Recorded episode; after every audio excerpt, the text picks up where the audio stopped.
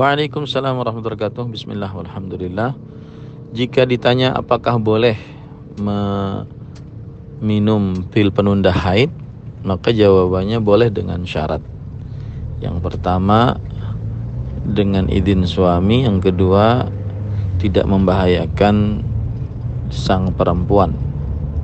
Dan yang ketiga berdasarkan rekomendasi dari ahli kesehatan.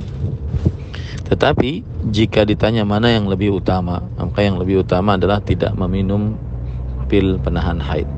Karena Allah Subhanahu wa taala mempunyai hikmah di dalam penciptaan manusia. Di antaranya adanya darah haid bagi perempuan meskipun itu dalam bulan Ramadan. Dan seorang wanita muslimah menerima ketetapan dari Allah Subhanahu wa taala.